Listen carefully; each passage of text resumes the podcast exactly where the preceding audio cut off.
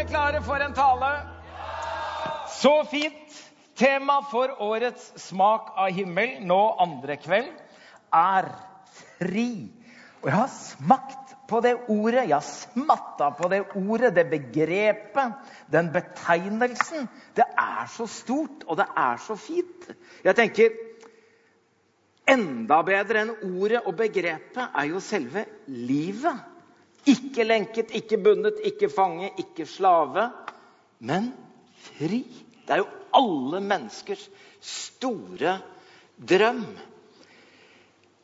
Vi laget en serie som vi kalte 'Pastor på prøve' på TV 2.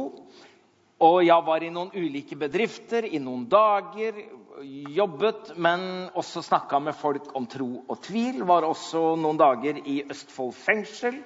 Og så spurte jeg en av fengselsbetjentene om man måtte ha gått fengselsskolen for å kunne bli eh, fengselsbetjent. Og da sa hun nei, nei, nei, det må man ikke.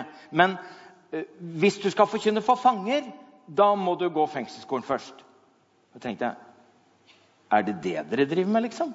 Forkynne for fanger? Hva er det? Jeg tenkte at det var prester og pastorer på prøve som drev med det. Eh, så jeg måtte spørre hva er det Og da sier hun jo, jo, jo, fengselsbetjentene de kan snakke på vegne av domstolene og fortelle fangene om dommen. Eh, og de går av og til inn på cella og så sier de sånn og sånn. Dommen er det og det. De har bestemt sånn og sånn. Det er å forkynne for fanger. Og så jeg, Det er jo fantastisk. For det er jo kjempestor forskjell på å gå inn på cella og holde et foredrag om frihet. Eller gå inn på cella og si 'du er fri'. Altså, Du forkynner frihet, som er en virkelighet, ikke bare en drøm. Ikke bare ord, ikke bare teori, men rett og slett i det som sies, ligger selve friheten. Når Jesus gikk inn i sin offentlige tjeneste etter å ha blitt døpt i vann og ånd, så går han opp i synagogen, og de rekker han Jesaja-boken, det som i vår bibel er kapittel 61, og så leser han. Hør. Herrens ånd er over meg. For Herren har salvet meg. Han har sendt meg for å forkynne et godt budskap for hjelpeløse, for å forbinde dem som har et knust hjerte, rope ut frihet for dem som er i fangenskap, og frigjøring for dem som er bundet, for å rope ut et nådens år fra Herren. Jeg kommer til å si noe viktig om frihet i kveld. Men større enn at jeg sier noe smart som gjør at du blir litt klokere, det er at min bønn er at jeg forkynner deg fri. Herre, jeg takker deg for at din ånd er her og gjør ord levende, og gjør det ordene sier, i våre liv. Amen. En liten kort oppsummering fra det vi starta med forrige søndag, og som vi skal fortsette med neste søndag. Det er at det er mye som vil begynne å tvinge oss, og vi kunne snakket om mange ting, men vi har valgt ut tre temaer som vi alle er mer eller mindre berørt av og har større eller mindre erfaring med. Nettopp dette som vi snakket om forrige søndag, om sår, om ustelte sår som verker i hjertet. Neste søndag skal det handle om skam, om uforløst skam som ødelegger livet. Og I kveld så handler det altså om uoppgjort skyld som gnager i sjelen. Jeg viste dere også dette bildet av eh, ja, Det ser ut som noen har hengt julepynt på Egil Svartdal.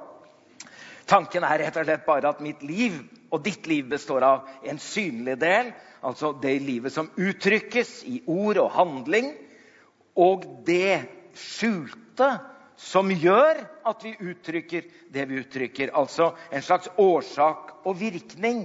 At det som kommer ut gjennom ord og handlinger, det kommer fra det som er i det usynlige, kanskje av og til ubevisste, i våre hjerter. Og da tenker vi at sår, skyld, skam kommer fra det usynlige, men det blir synlig og preger og uh, får konsekvenser i våre liv. Og psykiater Gordon Johnsen, som startet, uh, som startet Modum Bad, han har sagt at det vi får bevisstgjort, det kan vi gjøre noe med. Men det vi ikke får bevisstgjort, gjør alltid noe med oss. Så Et ønske om denne serien i år er å prøve å skape bevissthet rundt dette som har med sår og skyld og skam å gjøre, sånn at vi kan få gjort noe med det før det gjør for mye galt med oss og de som vi omgår oss med. I kveld handler det altså om eh, skyld.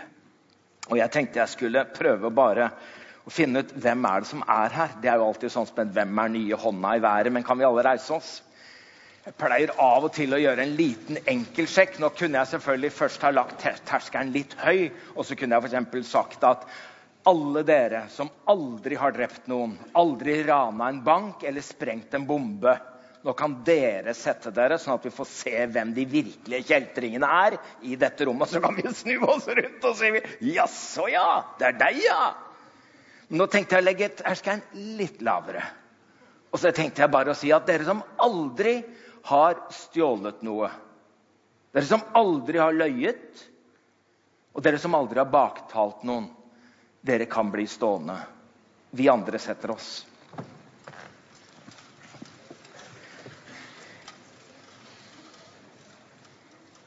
Det er det som er det rare at alle setter seg. Ingen er enestående. Nå tenker jeg at nå kan du gjøre det som vi gjør i fengselet når du blir ordentlig eh, kjent og fortrolig med noen. Da kan du henvende deg til han eller henne som sitter ved siden av og spørre unnskyld, hva sitter du for? For nå vet jeg ikke om du tenker at du havna i dårlig selskap, eller om du tenker her kjenner jeg meg faktisk litt hjemme. Her er det bare syndere her. Bare skyldige? Ja, jeg mener rett og slett at vi kan eh, kanskje gradere oss litt i, i, store og små syndere og i de som har gjort grove og fine synder, såkalte. Men uansett så må vi konkludere med at alle er skyldige. I Rombrevet 3, 22, 23 står det her er det ingen forskjell. I dette rommet denne kvelden er det ingen forskjell, for alle har syndet og mangler Guds herlighet.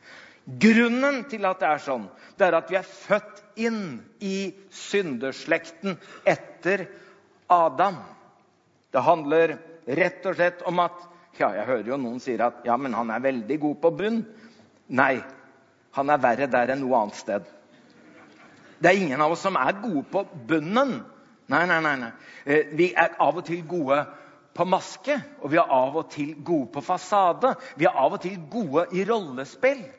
Men i bunnen, der bærer vi med oss arven etter Adam, syndeslekten. Og selv om vi kvitter oss med begrepene synd og skyld, så blir vi ikke kvitt virkeligheten som disse ordene beskriver. Og det har ateist blogger, programmerer, samfunnsdebattant, forfatter Bjørn Sterk skrevet i sin bok som heter 'Å sette verden i brann'. Altså en ateist som skriver om Jesus. Og han mener at den kristne fortellingen har noe å lære mennesket om hovmod og lidelse, og til og med om synd. Og så konstaterer Sterk med sorg at begrepene synd og nåde har mistet sin mening. Og så sier han men selv om ordene er blitt borte, har vi som kultur beholdt, de, eh, eh, har vi beholdt det de beskriver. Nesten som om det skulle være et fjell. Men så har vi mistet ordet 'fjell'. Altså, Det betyr ikke at fjellet ble borte, men ordet for dette fjellet ble borte. Alle ser det, alle må forholde seg til det. Og noen går helst også gjerne en tur opp til det. Men vi har ikke noe ord for dette som reiser seg høyt i naturen. Ja, vi kaller det av og til sånn der hvor skogen slutter, eller der hvor det begynner bart.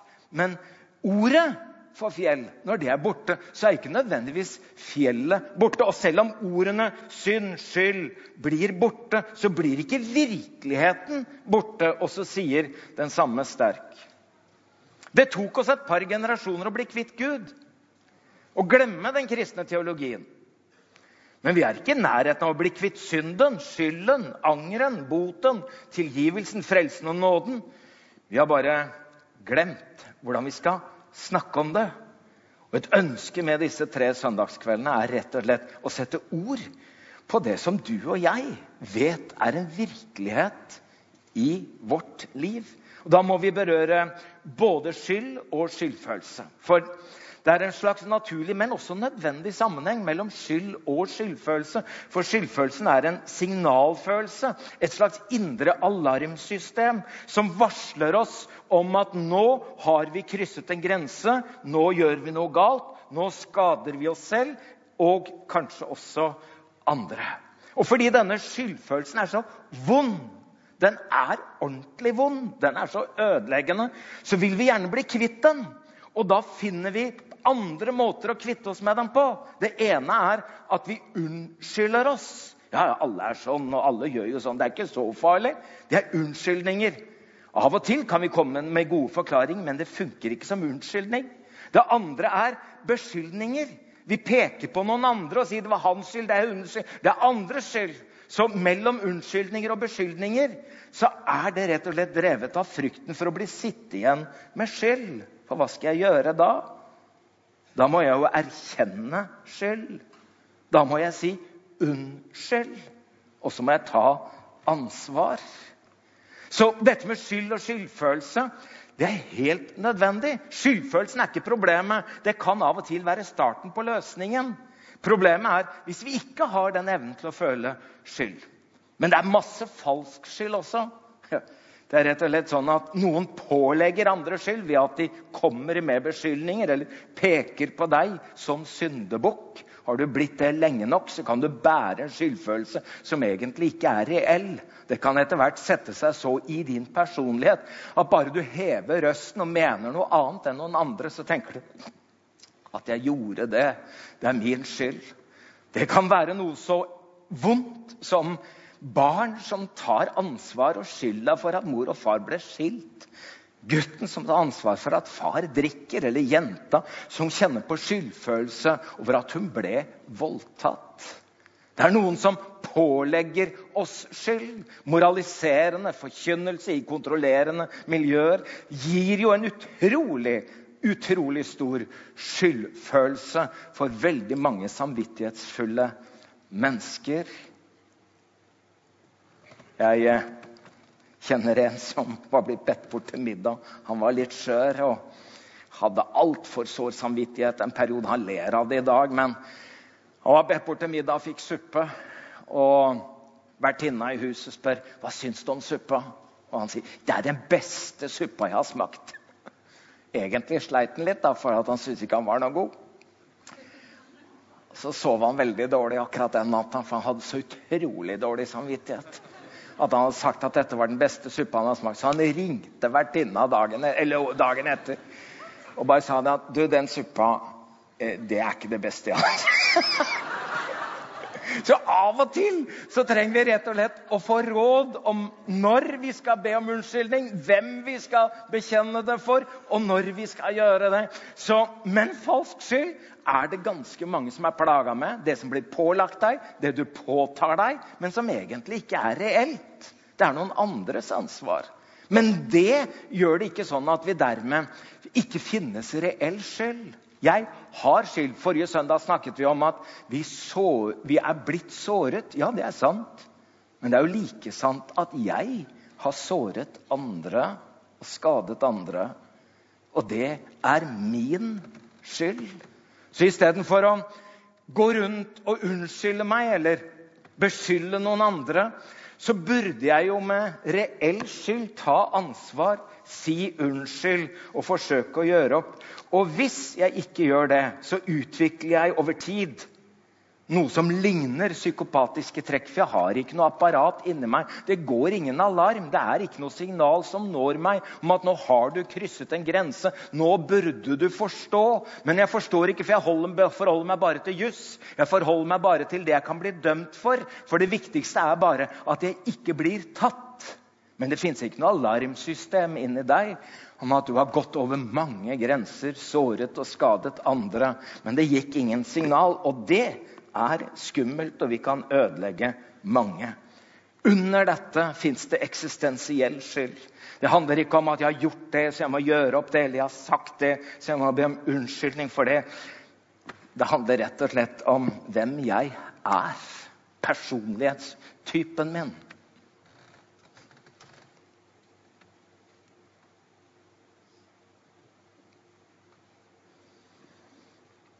At jeg har vært gift i 45 år, det er Turi til ære og meg til gavn.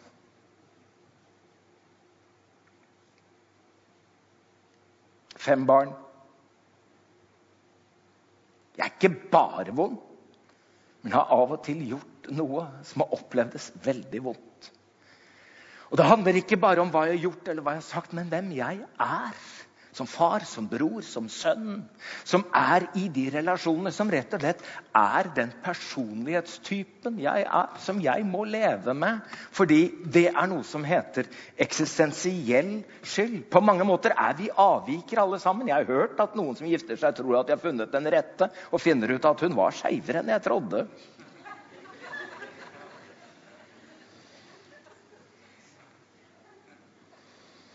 Og det er de som lever aller nærmest med oss, som må tåle mest og betale den høyeste prisen.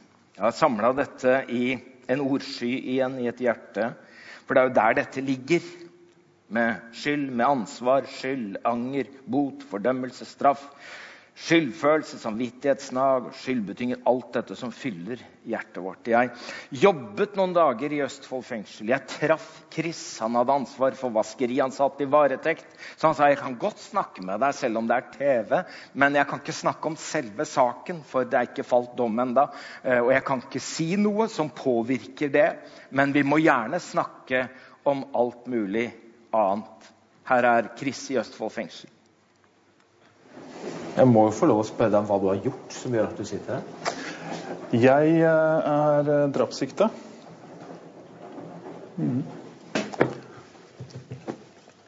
Du er sikta for drap? Ja. Og eh, jeg har tilstått. Du har tilstått, har tilstått også? Så det er liksom ikke noe tvil om Så det er ikke noe tvil om det? Du er skyldig? Ja, jeg er skyldig. Jeg er jo det. Det betyr i verste fall har du hvor lang tid foran deg? 13 er, eh, er det verste. 13 år. Men uh, hvor mye det blir, vet jeg ikke. I beste fall? Vet du, Jeg klarer nesten ikke å tenke på det som i beste fall. Ja. jeg har lyst på en rettferdig dom jeg, som folk kan akseptere. Så i beste fall så får jeg en dom som gjør at uh, folk aksepterer at nå er han sont ferdig. Nå har han gjort opp for seg. Men det laveste, det er seks år. Du skjønner at jeg har tusen spørsmål nå? Ja, og det er bare å komme med dem. Og så kan det hende at jeg må si at det kan jeg ikke snakke Nei, med deg om. Men, men ansatt i den katolske kirke betyr mm. at du også er bærer av en kristen tro og et mm. kristent liv. Mm. Og så skal du forholde deg til skyld, mm. soning, ja. tilgivelse. Mm. Hvor skal jeg begynne? Hvor skal, hvor skal jeg begynne? Ja, hvor skal man begynne? Oi. Vet du det har jo gått i utforbakke en stund. Det går gjerne i utforbakke en stund før du havner i fengsel. Eh, og troa er noen ganger en sånn ting som glipper litt unna da. Det henger sammen med at ting går gærent òg. Eh, du ber om et tegn fra Gud, og så innser du at eh, jo da, det var noen svære plakater som han spikra opp rett foran meg. Men eh, de passa ikke helt, da. ikke sant?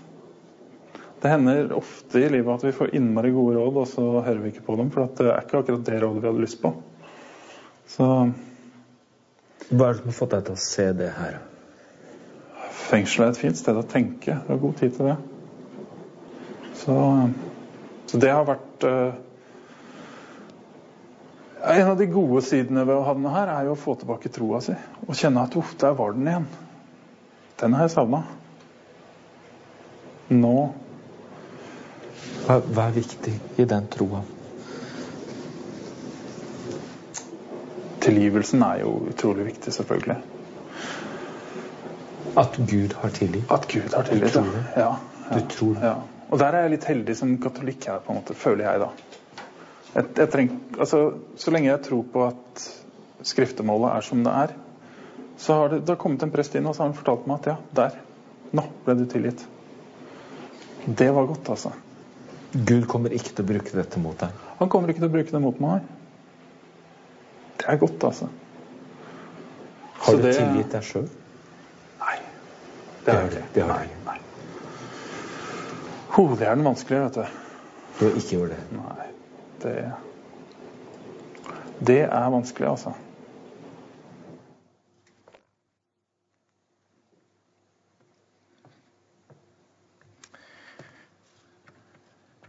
Chris ble dømt i 2010 i januar for eh, drapet på sin funksjonshemmede mor, som han hadde stelt hele sitt voksne liv. Gjelda hadde økt. Hun og de skulle kastes ut av huset. Namsmannen hadde vært på døra, skiftet lås. De klarte ikke å overbevise mor om at hun skulle ut. De fikk noen timer i håp om at hun skulle forsone seg med at hun ble kasta ut av hus. Og da gikk det galt. Noen eh, mener at han drepte mor av barmhjertighet, men det finnes ingen rett til å ta andres liv. Så han ble dømt. Syv år i fengsel. Allikevel så er dommen som stat og samfunn kan legge på oss i håp om at vi kan gjøre opp for oss i det som er vårt felles samfunn, og få et oppgjør med Gud som gjør at du tror at Gud har tilgitt deg, så er jo veldig ofte selvfordømmelsen den hardeste og vanskeligste dommen å bli kvitt. Og noen soner i selvfordømmelse hele livet. David skriver i Salme 38.: Skylden vokser meg over hodet lik en bør som er altfor tung. Jeg har stinkende sår som renner av verk på grunn av min dårskap. Jeg tenker at Ateisten og forfatteren Bjørn Sterk har noe å si om dette også, og sier videre synd samler opp skyld, og skylden må bøtes eller tilgis. For skyld er som gjeld. Enten betaler du det du skylder, eller så er kreditoren snill og stryker gjelda. Ellers går du konkurs. Du, du har bare disse tre utveiene. Det er tilbakebetaling, gjeldslette eller konkurs. Så langt Bjørn Sterk. Men han har helt rett at skyld fordømmer. For når urett begås, må ansvar plasseres. Det krever vår rettferdighetssans. Hele vårt rettsvesen er bygget på dette. At straffen skal stå i forhold til de lovbrudd som har blitt begått. Og det primære motivet for straff i Norge er ikke hevn, men plassering av ansvar, beskyttelse av samfunnet og håp om omvendelse av forbryteren. Men så er det sånn at alltid når vi synder mot andre mennesker, synder vi samtidig mot Gud. Synd betyr egentlig å bomme på målet. Altså, vi bommer på skaperens mål med hensikten med sitt skaperverk. Som er vi skal elske, elske Gud, elske vår neste som oss selv. Og for å beskytte det gode livet for flest mulig mennesker lengst mulig, så har han gitt oss noen bud, noen etiske normer og regler, samlet opp i de ti bud for å beskytte dette gode livet for flest mulig lengst mulig. Da får vi disse budene. Du skal ikke slå i hjel, du skal ikke bryte ekteskapet, stjele, du skal ikke lyve.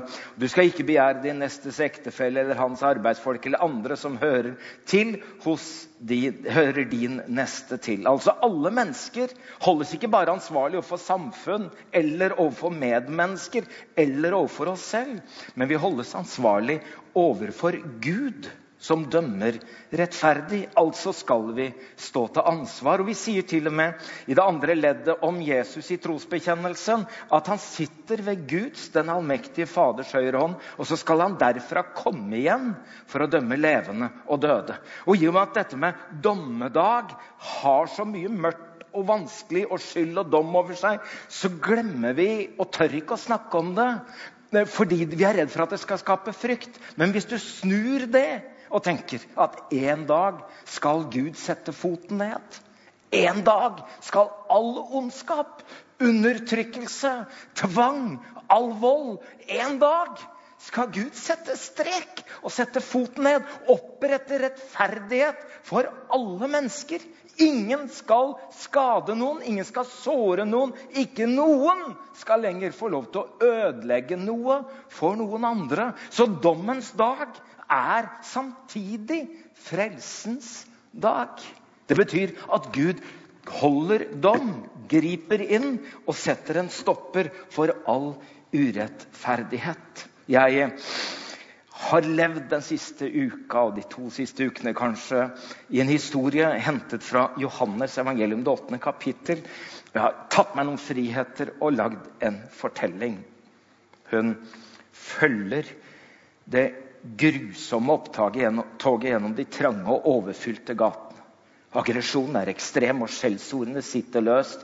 Hun holder seg på betryggende avstand, for det er farlig å bli gjenkjent som venn av den dømte. Hun har aldri sett noen menneske bli torturert så brutalt og vanæret så vulgært. Hun snur seg til tider bort fordi hun ikke orker å se, men hun har lovet seg selv at hun skal følge ham hele veien. Hun kunne ikke i sin villeste forstand forestille seg dette. Han som bare er god, går rundt og hjelper alle mennesker bruker nå sine siste krefter på å bære sitt eget kors som et offentlig skuespill til skrekk og advarsel. Hun ser at de spikrer hendene og føttene hans til korset før de reiser det opp. Ved siden av han så korsfester de to forbrytere, én på hver side. Og Det er mulig at de får som fortjent, men hun er helt sikker på at mannen på det midterste korset er uskyldig. Hun blir stående og se på det grusomme skuet som utspiller seg rett foran øynene hennes. Hun får frysninger av det religiøse hatet fra de jødiske prestene og de bestialske ropene fra de romerske soldatene. Hvilken kontrast til den ufattelige kjærligheten som strømmer fra mannen på det midterste kors. Ber han virkelig Gud om å tilgi dem som dømmer og torturerer ham. Hun kommer aldri til å glemme første gangen hun møtte mesteren fra Nasaret. Hun og elskeren hennes ble tatt på fersk gjerning i utroskap, og det var ingen tvil om hvem de var og hva de hadde gjort. Og med så slående bevis fantes det ingen unnskyldninger. De religiøse lederne kastet seg brutalt over henne, drev henne foran seg gjennom gatene. Og alle forsto at her var det en kvinne som hadde brutt loven og måtte straffes. Og veien gjennom Jerusalems gater fram til tempelet var egentlig en straff i seg selv. Og de fremmede bare ropte 'hore! Hore! Hore!' Og så spyttet de etter henne. Hvorfor tok de ikke mannen hadde de bare lagt en felle? Var hun bare et spill i en ond plan? De slepte henne med seg inn på tempelplassen og nærmest kastet henne ned foran føttene til en som satt og underviste der. Han var helt sikkert rabbi. Og så hører hun den ene presten rope, 'Mester! Denne kvinnen er grepet på fersk gjerning i ekteskapsbrudd.' Og i loven av Moses påbudt oss å steine slike kvinner. Hva sier du? Moses ord var lov. Den var skrevet i stein. Ekteskapsbrytere skulle straffes til døden ved steining. Og de religiøse lederne hadde tatt med seg steiner, for de var klare. Men mesteren svarer ikke umiddelbart, men bøyer seg ned og begynner å skrive med fingeren i jorda. Var det for å vinne tid, så han kunne tenke seg om? Var det for å skrive hennes synder i sand? Bekrefte anklagene? Eller var det for å bøye seg ned, så han kunne være han som ikke så på henne ovenifra og ned, men møte blikket hennes nedenifra. Han forstår at Kvinnen er blitt brukt som en brikke i et spill som ikke først og fremst handler om å ta henne, men som handler om at de er ute etter han. For hvis han dømte henne til steining i tråd med Mose lov, så ville ryktet om han som nådig og barmhjertig få seg en knekk. Men hvis han ikke dømte henne etter Mose lov til død og steining, så ville han bli en som satte seg over loven, skjøv den til side og sa at alle som har lyst til å bryte ekteskapet, kan gjøre det. Og hvis det ble steining der og da, så visste de at han kom til å få ansvar for det. Ja, de jødene kunne utstedte en dom, men de kunne ikke fullbyrde den, for de var okkupert av romerne. Det måtte romerne gjøre. Hva gjør det? Et virkelig dilemma. Og det var som å kjøre en kniv inn i henne når han, hører at mesteren sier Moses har talt Ekteskapsbrudd er dødssynd, og hun skal dømmes med steining. Hun krøp sammen når hun hørte det, og tenkte nå kommer de. Plutselig hører hun mesteren si stopp, stopp, stopp en hal. Moses sier det, at hun skal dø ved steining. Men Moses sier også at de som skal steine henne, må selv være rene. Så den av dere som er uten synd, kan kaste den første stein. Blir helt stille. Han bøyer seg ned igjen og fortsetter å skrive. Vi aner ikke hva han skriver. Var det navnene på noen av de som disse prestene hadde vært utro med? Var det deres synder han skrev for å minne dem, eller holdt det med at de bare fikk litt tid til å tenke? Hun hører at stenene faller, men ingen av dem treffer. De bare slippes til jorda. Og så hører hun skritt av mennesker som går, og så blir det helt stille. Da våger hun endelig å løfte blikk. Da forstår hun at hun ser inn i ansiktet til den eneste, helligste, reneste.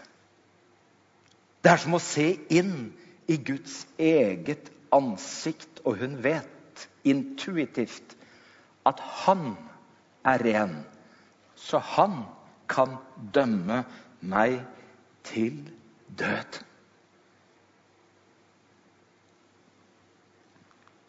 Kvinne, hvor er De? Har ingen fordømt deg? Hun svarte nei, nei, Herre, ingen. Da sa Jesus,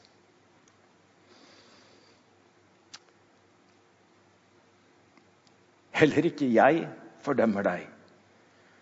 Gå bort og synd ikke mer fra nå av. Hun står og ser opp mot kors.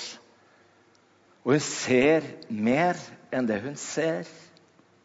Hun ser en sammenheng. Hun ser en linje hun ser at han som sparte livet hennes, han gir sitt liv for hennes skyld. Det er som om han har satt seg imellom loven og syndere. Plassert seg mellom Gud og menneske. Som om han har gitt sitt liv til oss og tatt vårt liv på seg, og at han ved det satte oss fri, men tok vår straff på seg. Apostelen Paulus skriver senere, sett i lys av dette, at gjeldsbrevet mot oss slettet han. det som var skrevet med lovbud. Han tok det bort fra oss da han naglet det til kors. Vidar Christensen han var ikke gammel. Han var på en leir. Strevde med skylddom, nåde. Hørte noen bibeltimer. Og så skriver han en sang som mange av oss er glad i. 'Jeg har en venn som har gitt sitt liv'. Og så heter det i det andre vers Det er flere som kan, så la meg slippe å synge solo. Denne dommen er absolutt, og jeg kan ikke anke. Men når jeg innser at alt er slutt, har Gud en frelsende tanke. Til jorden sender han Jesus som tar på seg både min skyld og dom. Og når han drepes uskyldig, blir min dødsdom ugyldig. Det er nåden som frikjenner. Fortellingen om kvinnen og dette ekteskapsbruddet handler egentlig om mer enn hennes brudd. Det handler om noen prester religiøse som tror at de er uskyldige. At de kan peke på en syndebukk og dømme henne. Og det Jesus avslører, det er at det finnes ingen uskyldige. At hykleri og horeri er like mye synd. At synden trives like godt i dobbeltmoral som i umoral. At vi er alle skyldige. Det er derfor de gikk derfra. For de visste vi er ikke rene. Vi kan ikke dømme eller fordømme. Moses eller Jesus, lov eller nåde. De store temaene. Men av Hans fylde har vi alle fått nåde over nåde, for loven ble gitt ved Moses. Nåden og sannheten kom ved Jesus Kristus. Du vet at Noen sier at sannheten setter fri. Nei, det gjør den aldeles ikke. Sannheten kan være så utrolig ødeleggende. Det som setter fri, det er når sannheten kommer etter nåden. For når du blir møtt med nåde, så tåler du sannheten om ditt liv. Gå bort og synd ikke mer. Det er bare de som utstråler og gir nåde, som har lov til å fortelle andre sannheten. For den kan være så utrolig ødeleggende når vi blir gitt til den. Vi trenger Guds nåde. Når Paulus skriver om dette i rombrevet Nå begynner jeg å bli ivrig. Jeg kjenner at jeg snart tar av. Så er det da ingen Kan vi ikke lese det sammen med bare trykk på en liten begeistringsknapp? Så er det ja, Det er det ordet 'ingen' som jeg gjerne skulle hørt litt mer. Er ingen. Det er nesten så du sier. Det er litt bare. Det er bare ca. 50% Men kan du ikke bare få ut dette med 'ingen', da? Så er det da Jeg hørte ikke helt riktig. Så er det fordømmelse for dem som er i Kristus Jesus. Hør her. Vi er ikke benådet. For de som er benådet, de er dømt, men de slipper straff. Forskjellen er at vi er ikke dømt. Vi er frikjent. For han ga sitt liv til oss. Han døde jo ikke bare for oss, men han ga det livet han har levd, til oss. For at vi skulle stå innenfor dommen i Kristus Jesus. Og så tok han det livet som ikke vi fikk til. Det ble han dømt for. Så er det da ingen fordømmelse for den som er i Kristus Jesus. Og så kan jo jeg spørre, og så kan dere svare. Kom igjen, folkens. Hvem kan anklage dem Gud har utvalgt? Ja, det er fint. altså. Dere er under trening. Hvem kan anklage dem Gud har utvalgt? Hvem kan da fordømme? Kristus Jesus er den som døde. Han er for venn.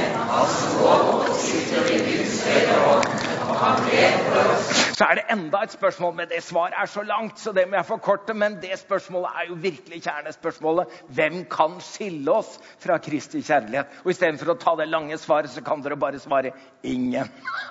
For det er rett og slett oppsummeringen på alle spørsmålene. Hvem kan da skille oss fra Guds kjærlighet i Jesus Kristus? Det er rett og slett ingen. Og da vil du lure på hva i all verden er det som er så stort med nåden at man må skrive egen sang, 'Amazing Grace', som er historiens mest kjente sang. Hvorfor det?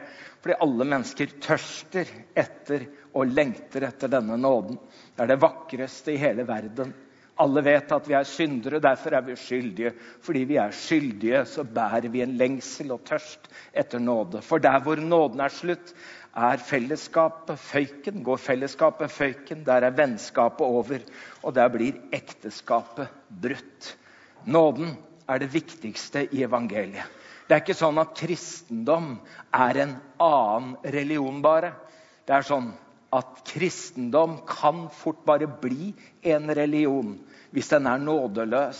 Men det er nåden i evangeliet om Jesus Kristus som gjør kristen tro annerledes enn all religion. For det er nåden i Jesus Kristus som gjør at Gud blir tiltrekkende, som gjør at jeg kan nærme meg Han istedenfor avskrekkende, som gjør at jeg må frykte Han.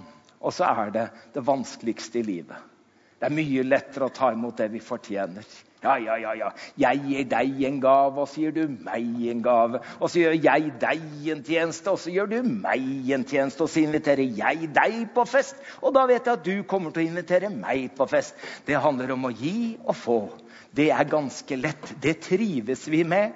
Men av og til så blir vi tilbudt noe vi vet at vi ikke fortjener. Av og til får vi det motsatte av det vi fortjener. Vet du hva det er? Det er nåde.